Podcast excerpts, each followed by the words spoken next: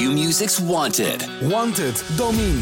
Blijf Domine verschuren 100 uur lang uit de handen van Bram Krikken? Voorspel en maak kans op 10.000 euro. Volg het vanaf 13 mei bij Q-Music.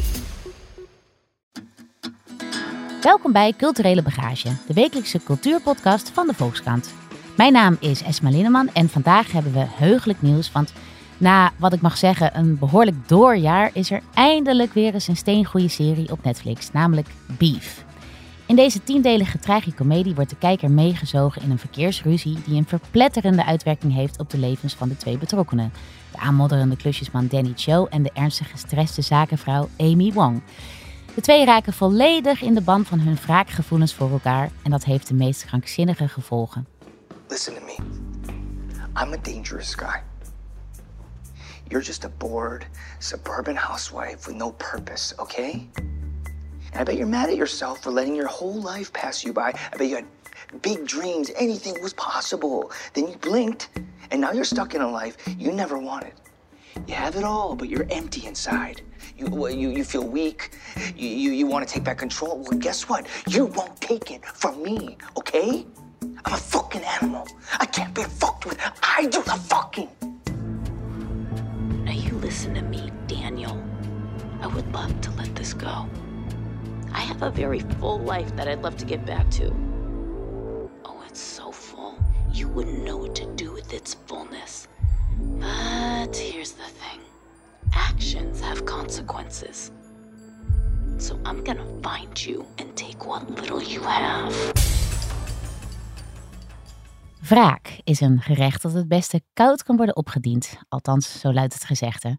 Maar waarom is het nou zo heerlijk om te kijken naar personages die zich volledig laten gaan in hun haat en wrok voor elkaar? En wat is wraak eigenlijk voor een emotie? Waar komt het vandaan en heb je er eigenlijk wat aan in je eigen leven? Nou, daar gaan we het vandaag allemaal over hebben. En dat doe ik met uh, Emma Curvers, mediaverslaggever en columnist. En Mark Moorman, welkom. Nou, Mark, om maar te beginnen met jou. Um, jij gaf Beef ehm, vijf sterren. Vijf. Vijf? Ja. Ja, nou dat doe ik toch ook niet echt heel Nee, vaak. toch? Nee, ik vond het, Je noemde het ehm, de beste en verrassendste serie van het jaar. eh, ja, tot nu toe hè. We Tot nu zijn, toe, eh, we zijn ja. nog, ja. Klopt. Nee, maar ik, eh, eh, ehm, en ook omdat het eh, op Netflix is, wat, wat toch eh, langzamerhand een beetje een soort middle of the road eh, plek aan het worden is. Ja, Waarbij je eh, de, de dingen zich vaak eh, vrij voorspelbaar eh, ontwikkelen. En dan komt er, eh, komt er zo'n serie langs die je misschien meer zou verwachten op een plek als HBO. Mhm. waar dit type series eh, toch wel vaker eh, te zien zijn. Het, het is een heel eh, verrassend, het is een comedy-drama. En het neemt beide kanten van de, de genres heel serieus. Het is echt een heel diep doorvoeld drama, maar de comedy-elementen zijn ook, ook heel sterk uitgespeeld. En wat zo eh, sterk is, dat het, dat het begint met iets heel alledaags, waar we ons allemaal iets bij kunnen voorstellen. een verkeers- verkeersruzie. Een verkeersruzie. Totaal uit de hand gelopen verkeersruzie. Ja, en die is niet eens zo ernstig, want er is niet eens blikschade, weet je wel. Er, is, er, wordt, er wordt verkeerd uitgeparkeerd, er wordt een middelvinger opgestoken. Ja. Nou ja, ik zou zeggen, de alledaagse kan bijna niet. En, en elke kijker zal zich daar iets bij kunnen voorstellen, bij even die piek van woede die je dan mogelijk voelt aan beide kanten van deze ruzie. Ja. En dat is een soort vertrekpunt voor, voor iets wat echt extreem en op allerlei onverwachte manieren escaleert. Waardoor je, eh, ja, je krijgt die twee levens van die mensen die bij die verkeersruzies betrokken zijn, die krij- krijg je gewoon op een gegeven moment heel scherp in beeld. En daarmee ook hun beider sociale kringen. En uiteindelijk is het ook een soort portret van die stad. Van men, Het speelt zich af in Los Angeles, waar natuurlijk iedereen in zijn auto zit. ja, waar, waar mensen eigenlijk langs elkaar heen le- eh, leven. Ze Ja. zien elkaar alleen in de file, bij wijze van spreken. Dat is natuurlijk een beetje het clichébeeld van eh, Los Angeles. Eh, en opeens worden deze twee mensen op, met elkaar geconfronteerd. En hun beider frustraties en ongeluk eh, gaan ze nu opeens op een vreemde afreageren. Ja. En, dat, en dat is zeg maar vanaf, vanaf de eerste minuten van deze serie de, de, de motor, de, de energie waarmee dit verhaal wordt eh, Voortgestuurd eigenlijk. Ja. voortgestuurd. Ja. Hey, en nou, ik zei al net van, ja, de vlag mag, mag wat mij betreft uit dat er weer een, een echt hele goede Netflix-serie is. Hoe, Ja. hoe kan je dat in dit geval verklaren? Want wat, wat zit hierachter? Wie zijn de makers? En Nou, het, komt, het, het is een. ehm, je hebt, je hebt natuurlijk Netflix maakt eh, zelf dingen, da- daar waarbij je wel eens het gevoel krijgt dat het algoritme van de gemiddelde smaak nogal eh, overheersend is. In dit geval is het een serie die gemaakt was door een onafhankelijke productiemaatschappij, A24. Ja. Vrij bekend ding, ook, ook eh, als, eh, la- langzamerhand als producent en distributeur en Oscar-winnende films. En er is een soort bidding war geweest en Netflix, ja, dat is de grootste met de diepste zakken, die heeft toen gewonnen. Dus die halen dan eigenlijk een hele eigenwijze serie op die manier binnen. Dat is natuurlijk ook een manier om kwaliteit op je streamer eh, te krijgen. Door gewoon met onafhankelijke partijen te werken. Want dit- dat A24, wie is daar dan weer de baas van? Of hoe? Wat Ja, dus soort- het is, dat bestaat eigenlijk eh, nog niet zo lang. Dat is in 2012 eh, opgericht. En zij hebben zich al heel snel gericht op alles wat de grote eh, televisie- en, en filmmaatschappijen hebben laten liggen. Die richten zich allemaal eh, op eh, Marvel-achtige dingen, op formulefilms, op vervolgfilms, eh, films rond sterren. En eh, A24 lijkt zich veel meer te richten op echt goede verhalenvertellers, jonge makers, ook uit andere culturele hoeken. Ehm, en daar hebben ze al heel snel heel veel succes mee gekregen. Ja, want dit is een bijna uitsluitend Aziatisch-Amerikaanse Ja. Cast. En de regisseur is Lee Song-yin, als ik het goed zeg. Lee Sung-jin, ja, en die dat- kennen we weer van Undone, begreep ik, hè? Van Andan bijvoorbeeld. Ja. hij woont in Los Angeles, maar komt uit eh, Korea. Net als eh overigens hoofdrolspeler Steven Yeun. Wat Ja. ook een in Korea geboren acteur is die bekend werd via bijvoorbeeld The Walking Dead. Ja. En inmiddels in, ja, in allerlei grote films begint op te duiken. En nu in Beef. Ja, en de, en de vrouw is dan eh, Ellie Wong. En die ken ik dan weer als echt een hilarische stand-upper. Die ook twee shows op Netflix heeft. eh. Ja, die heeft twee, twee Ja. hele succesvolle specials. Ja. ja, En ja. zij, zij is weliswaar, zij is geboren in, eh, in Californië, eh, maar haar ouders zijn alweer, of haar moeder is een immigrant. Die komt, zij heeft een Vietnamese moeder en een Ja, ja, vader. precies, dus dat ja. is Ja. iets over die achtergrond. Ja. En Mark, ik, ik weet niet of je dat eh, ook zo ziet hoor, maar is het ook niet zo dat dat A24, eh, ik bedoel, er zijn heel veel vaak cliché-matige afbeeldingen geweest van Aziatische Amerikanen en in, vooral in de in Hollywood-achtige sferen. Eh, Is het niet zo dat zij zich een beetje ook verzetten daartegen en producties maken die op een heel andere manier eh, die gemeenschap belichten? Ook met bijvoorbeeld eh, Everything Everywhere All at Once. Het is Ja, ook van hen bijvoorbeeld, zeker. toch? Dus Ja. dat is ook een beetje een soort van nieuwe... hè, dit jaar. Ja. Ja. dat is ook een beetje een soort van nieuwe, nou ja, movement wil ik het nog niet noemen, maar wel dat je langzamerhand de laatste jaren wat vaker series begint te zien waarin wat afbreuk wordt gedaan aan dat cliché in elk geval. Ja, Misschien nou ja, Master of None ook of zo. Ja, Ja. en je- kijk bij die, die Everything, eh, die, die- de Oscar-winnende eh, film, zou je nog kunnen zeggen, daar staat de migrantenervaring op een bepaalde manier centraal. Ja. Terwijl het, het sterke van Beef eigenlijk is, is dat het er eh, een soort eh, ondergeschoven wordt. Het is eigenlijk een Ja. verhaal dat op, op allerlei manieren met allerlei personages verteld had kunnen worden. En Mhm. het, het is niet zo dat ze eh, dat het wordt eh, weggestopt. En, en er komen zeker, er zijn een aantal elementen zoals dat de, de mannelijke hoofdpersoon, Koreaanse klusjesman, he- zich heel erg verantwoordelijk voor zijn familie voelt. En, Ja. Eh, en, Een huis voor zijn ouders wil ja, een bouwen. ambitie en- heeft ja. om zijn ouders uit Korea naar de Verenigde Staten te halen. Dus Ja. dat, dat is wel een soort typisch element. En aan, aan de andere kant, eh, bij de, de Ellie Wong-rol, wordt er bijvoorbeeld op een gegeven moment tegen haar gezegd: Je, je hebt altijd zo'n zenachtige uitstraling. Wat een soort. Terwijl we dan al lang weten dat dat totaal niet waar Nee, is. oh, Ja. A is het niet waar. En Ja. B is het natuurlijk een soort, soort ver- verhuld eh, racisme. Van Ja, de- je- ja. Wa- Jullie zijn al- altijd zo chill. jullie zijn altijd zo chill. En eh, ja. Hey, en Emma, jij, ehm, jij had ook wel wat aan te merken op de serie. Eh, vertelde je mij in onze voorgesprekken. Wat, Ja, wat een was beetje. dat? Ja. Nou ja, ik, ik, ga- ik weer zeuren. Ik, ik heb er ook heel erg van genoten hoor. Laat dat sowieso gezegd zijn. Eh, echt wel gesmuld. Ik vond soms een beetje, wat Mark ook zegt, het is echt een, een, een eh, combinatie van comedie en toch ook psychologisch drama. En ik denk dat soms eh, de, de wijzer een beetje te ver uitslaat naar karikaturen als het om die comedie gaat. Dus zij heeft dan bijvoorbeeld een deal met Jordan. Dat is een extreem rijke vrouw die wil haar bedrijf kopen in ook heel zen plantjes. Ja. En Amy heeft een bedrijf in plantjes. En die Jordan is af en toe wel ja, erg over de top. Het, het- vaak zit het hem in bijrollen die over de top gaan. Hè? Dat is heel vaak zo. Eh, en, en dat vond ik hier ook wel een beetje. En, maar op de momenten dat het psychologisch eh, echt tot de kern komt, vond ik het dan weer heel sterk, de serie. Dus als het echt over gaat dat je... hè, Amy is eigenlijk ten diepste bang om met haar woede naar buiten te treden. En, en te laten zien wie ze echt is. En daar vond ik het heel erg sterk op die momenten dat dat echt naar voren komt. Dat ze eigenlijk niet durft te laten zien wie ze Hmm. is. Ja, ja, Eh, en bang is dat mensen haar zullen verlaten ja. als ze dat zou doen. Ze En dan- trekt die glimlach ook vaak als een soort façade op. Hè? Dat, zie, dat Ja. is echt heel sterk in beeld gebracht. Dat je ook meteen merkt van ja, dit, hiermee sluit ze de wereld af met die glimlach die ze nu opzet. Ja, echt Ja. prachtig. Maar goed, je ziet dus twee eh, personages eigenlijk eh, volledig geconsumeerd worden door woede en wraakgevoelens. En ehm, nou ja, dat begint allemaal inderdaad met een verkeersruzie. Is dat nou herkenbaar voor jou, Emma? Ben jij ook wel eens razend geworden in het verkeer? Ja, eigenlijk bijna elke keer dat ik in de auto stap.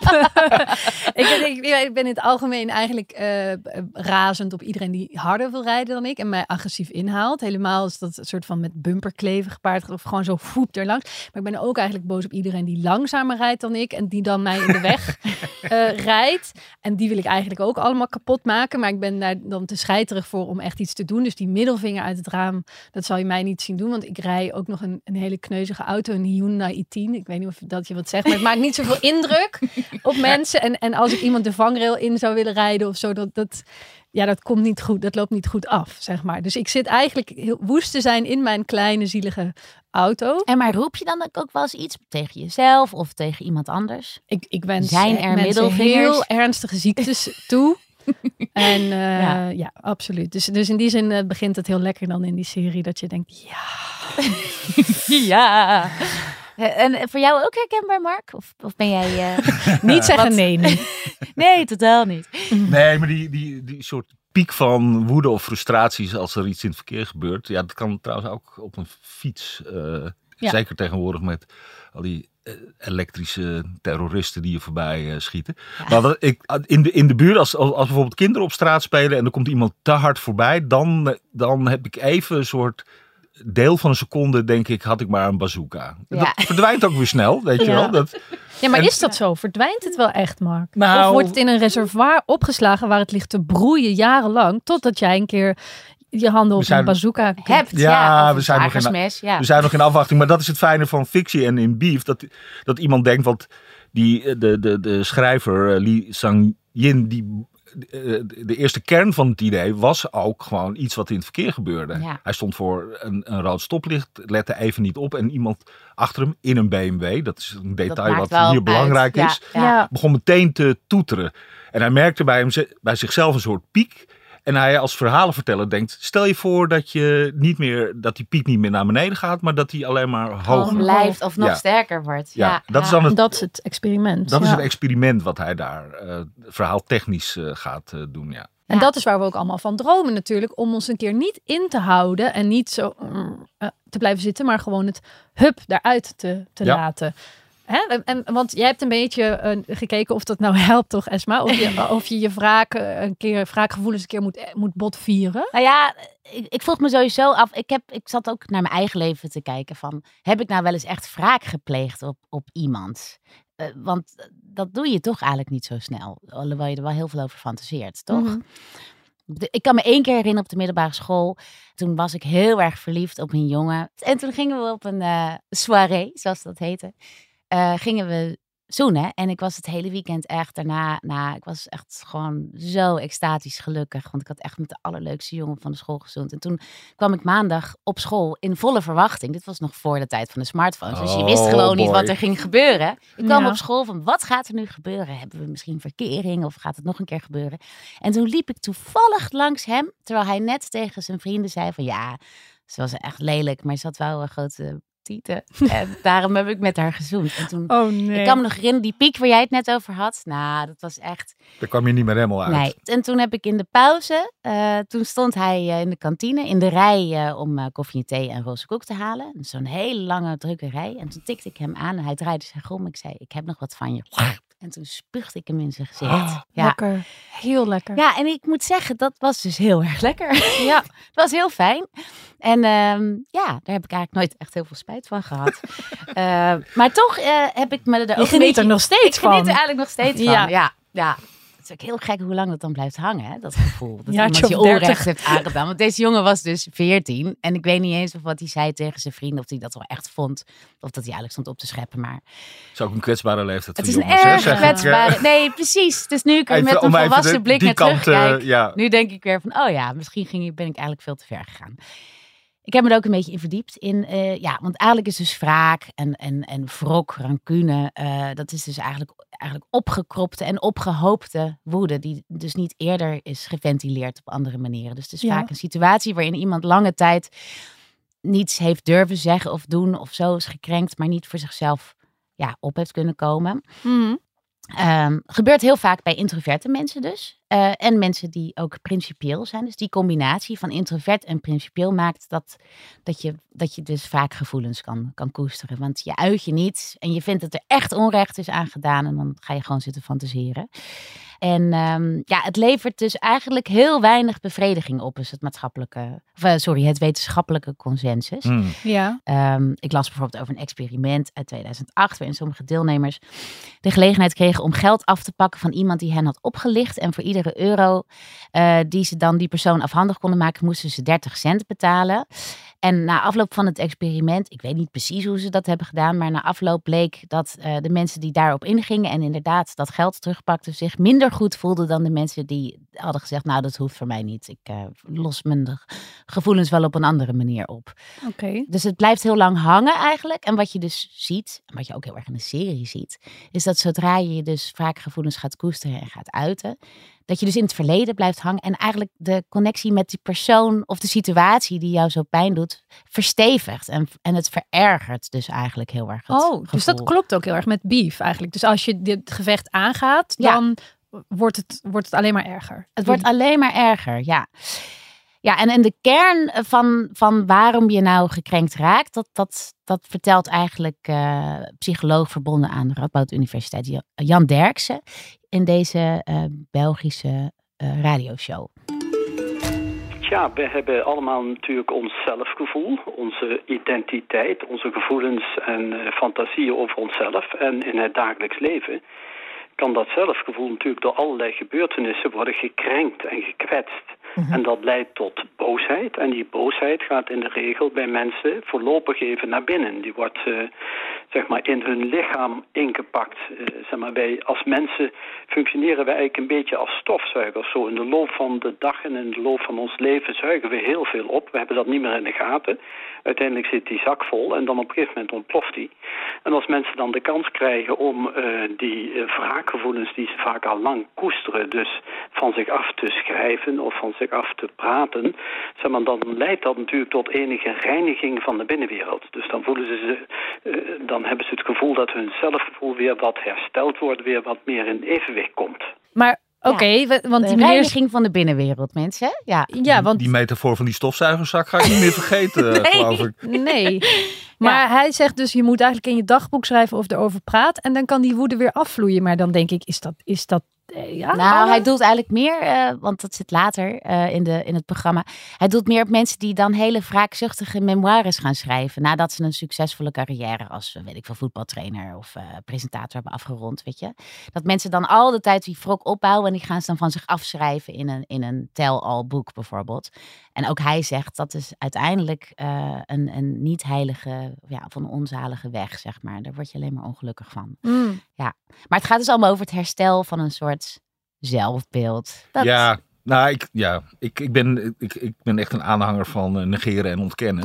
dat is volgens mij ook een strategie die gewoon werkt in het eh, dagelijks leven. Ja, het is ook een vorm van emotionele intelligentie, begreep ik dus. Om, om eigenlijk proberen de zaak te relativeren in plaats van Hmm. eh, je erop te gaan focussen. Dus wat je zegt is eigenlijk gewoon heel erg slim, Mark. Ja, Mm, ja, Mark is je. echt de zen-boeddhist Ja, van jij onze bent zo redactie. zen. Ja. Ja, maar en, en die, die gedragingen van Danny en Amy, die natuurlijk gewoon af en toe gewoon bijna ronduit kinderlijk zijn, zitten daar toch herkenpuntjes in eh, voor jullie? bijvoorbeeld Emma, kan, kan jij je identificeren? ik zit naar jou te kijken, want ik denk nog steeds aan jou in die auto, in die, die Hyundai. mens. Kan jij je identificeren met bijvoorbeeld met Amy en hoe zij zich gedraagt? Nou ja, in, in de rol van Amy zit natuurlijk ook heel erg ehm, dat zij te maken heeft met de verwachtingen die er eh, zijn in het algemeen van, van in het leven dat je je gedraagt. Misschien ook cultureel heeft ze te maken met bepaalde verwachtingen, maar ook als vrouw heeft ze te maken Ja, met bepaalde verwachtingen. Dat eh, ligt Ja. er veel druk bij haar op dat ze toch eigenlijk lief moet lachen. Ze moet professioneel zijn. Ze moet een goede moeder zijn. En misschien dat dat wel een, een extra laag aan haar personage toevoegt. Dat dat ook eh, frustratie oplevert. En dat maakt het ook leuk dat ze daar gewoon boos om mag worden. En gewoon Want Ze staat op het punt om een soort megadeal binnen te, te slepen. Maar tegelijkertijd moet ze ook een soort liefdallige echtgenoot zijn. En een goede moeder. Ja. En altijd glimlachen. Dat, Ja, en liefst heel veel geld verdienen, want haar man doet dat op dat moment ook ni- niet. nee, Eh, dus er is veel, ligt veel druk op haar. En ehm, nou, dat vond ik wel. Nou ja, in beide gevallen zie je dat, dat de, de, de druk waaronder ze alle twee eh, leven en de verwachtingen die hun omgeving van hun eh, rol heeft, dat ze dat al- alle frustraties over hoe het daar gaat, eh, beginnen ze op elkaar af te reageren. Ze zijn een gegeven moment elkaars uitlaatklep geworden. Ja. Waardoor het op een, op een hele, vind ik, hele originele manier ook. Het is een soort omgekeerd liefdesverhaal. ja, ja. De, de- Ja. Het is geen verzengende liefde, maar het is in ieder geval, het neemt net zoveel Ja. plaats in je hoofd in als, als, als een. eh, Het is eenzelfde soort obsessie eigenlijk. Het als is dezelfde je soort obsessie. op En- iemand bent. Ja. Ze uit- projecteren al die woede op elkaar. En misschien dat het zo leuk is dat het in het echt gebeurt, ook omdat je, ik wel eens het gevoel heb dat mensen dit heel vaak online doen, hun, hun woede eh, ventileren op allerlei kanalen. En eh, dan denk je soms ook, volgens mij zit jou iets heel anders dwars dan dat onderwerp waar je het nu over hebt. En dat doen volgens mij heel veel mensen. Ja. Maar om dat dan gewoon eens een keer in het echt te doen, dat is natuurlijk de fantasie. Het is gewoon zo heerlijk om naar te kijken. Ja.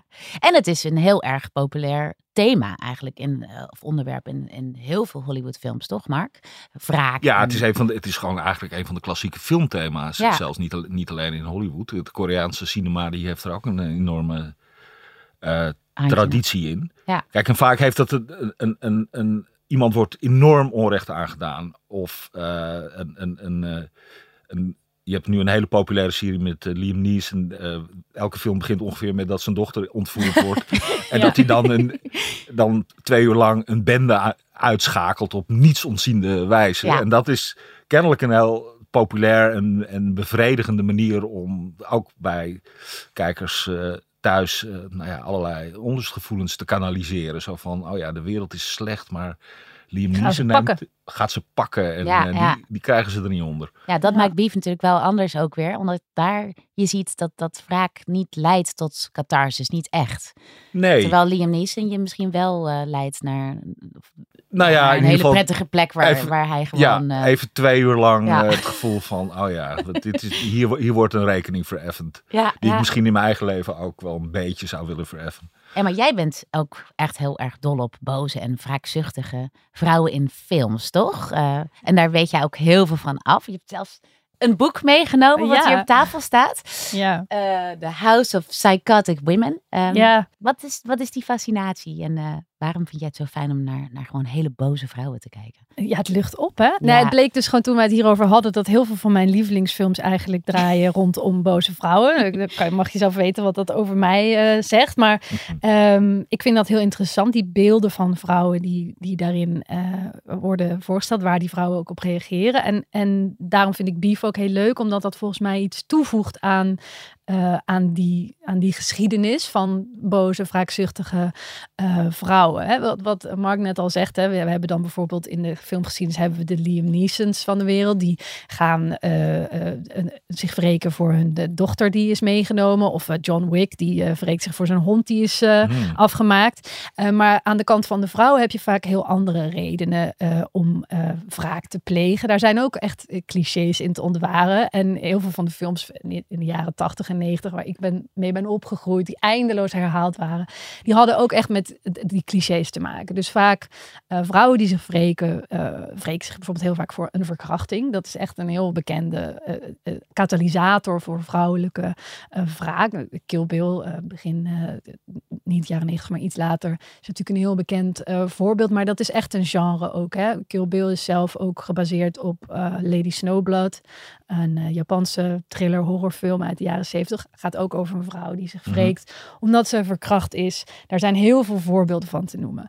Een andere typisch motief voor vrouwen om zich te wreken is vaak um, een man die vreemd gaat. Nou, volgens mij ken jij ook een heleboel films die daarom draaien, die heerlijk zijn, Esma. Maar ja, ja bijvoorbeeld She-Devil hè, met Roseanne Barr. Oh, die heel En Meryl Streep natuurlijk als de geweldige Meryl Streep als de Rivaal. andere vrouw. Ja, ja. maar ook bijvoorbeeld Death Becomes Her, ook weer met Meryl Streep en Goldie Hawn, die zich, die gaan ook in een soort wraaklustige, ja ruzie belanden om eigenlijk een sukkel van een vent, Bruce Willis in die rol uit de jaren negentig ook. Heel vaak gaat het om een, een man en twee vrouwen die, die in een soort concurrentie zitten om wie is nou de knapste, wie is nou de mooiste en wie gaat nu winnen.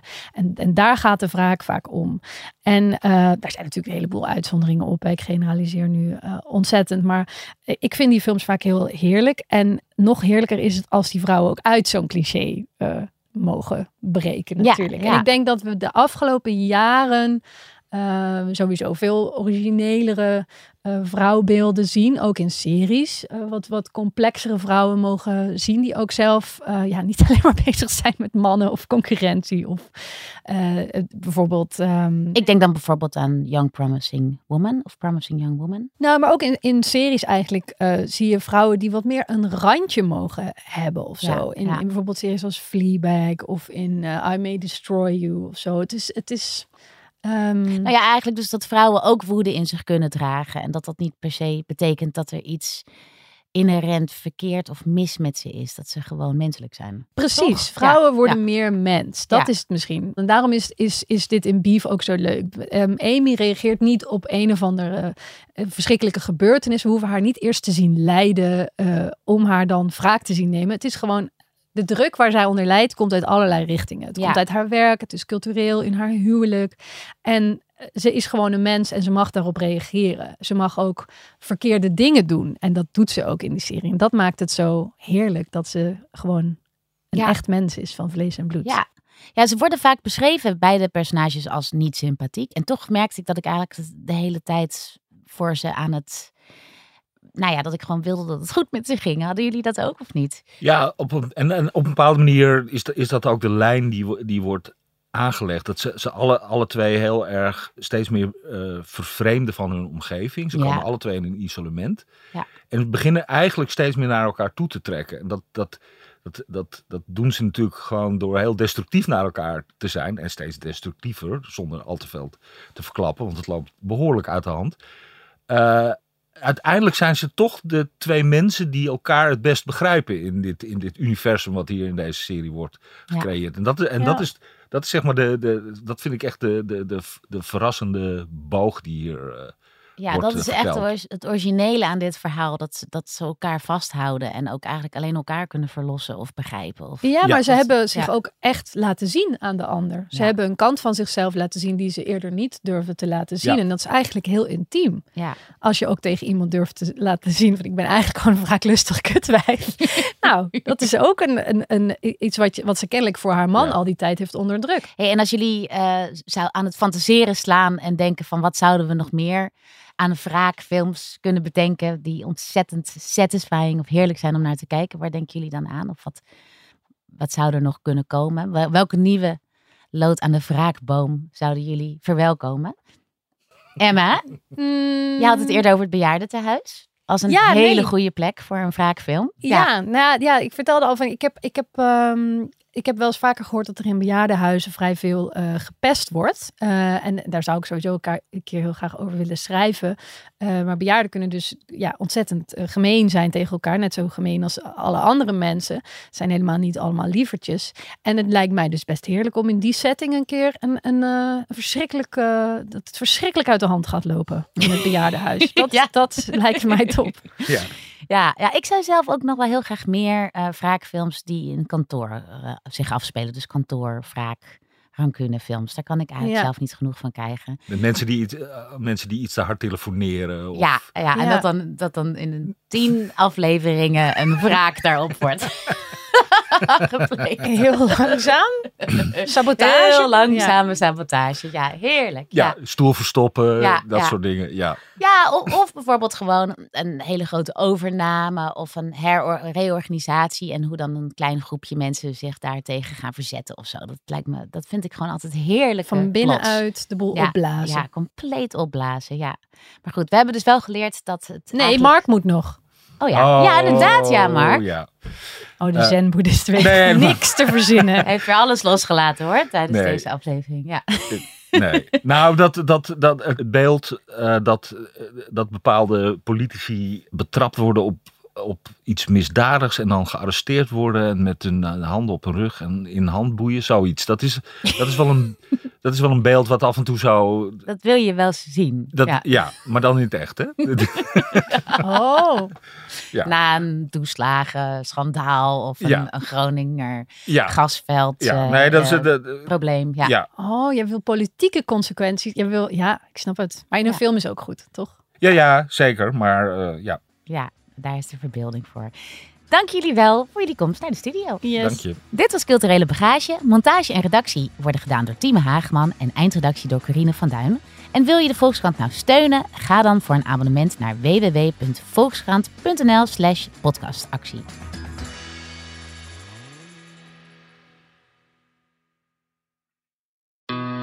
Q-Music's Wanted. Wanted, Domine. Blijf Domine verschuren 100 uur lang uit de handen van Bram Krikken? Voorspel en maak kans op 10.000 euro. Volg het vanaf 13 mei bij Q-Music.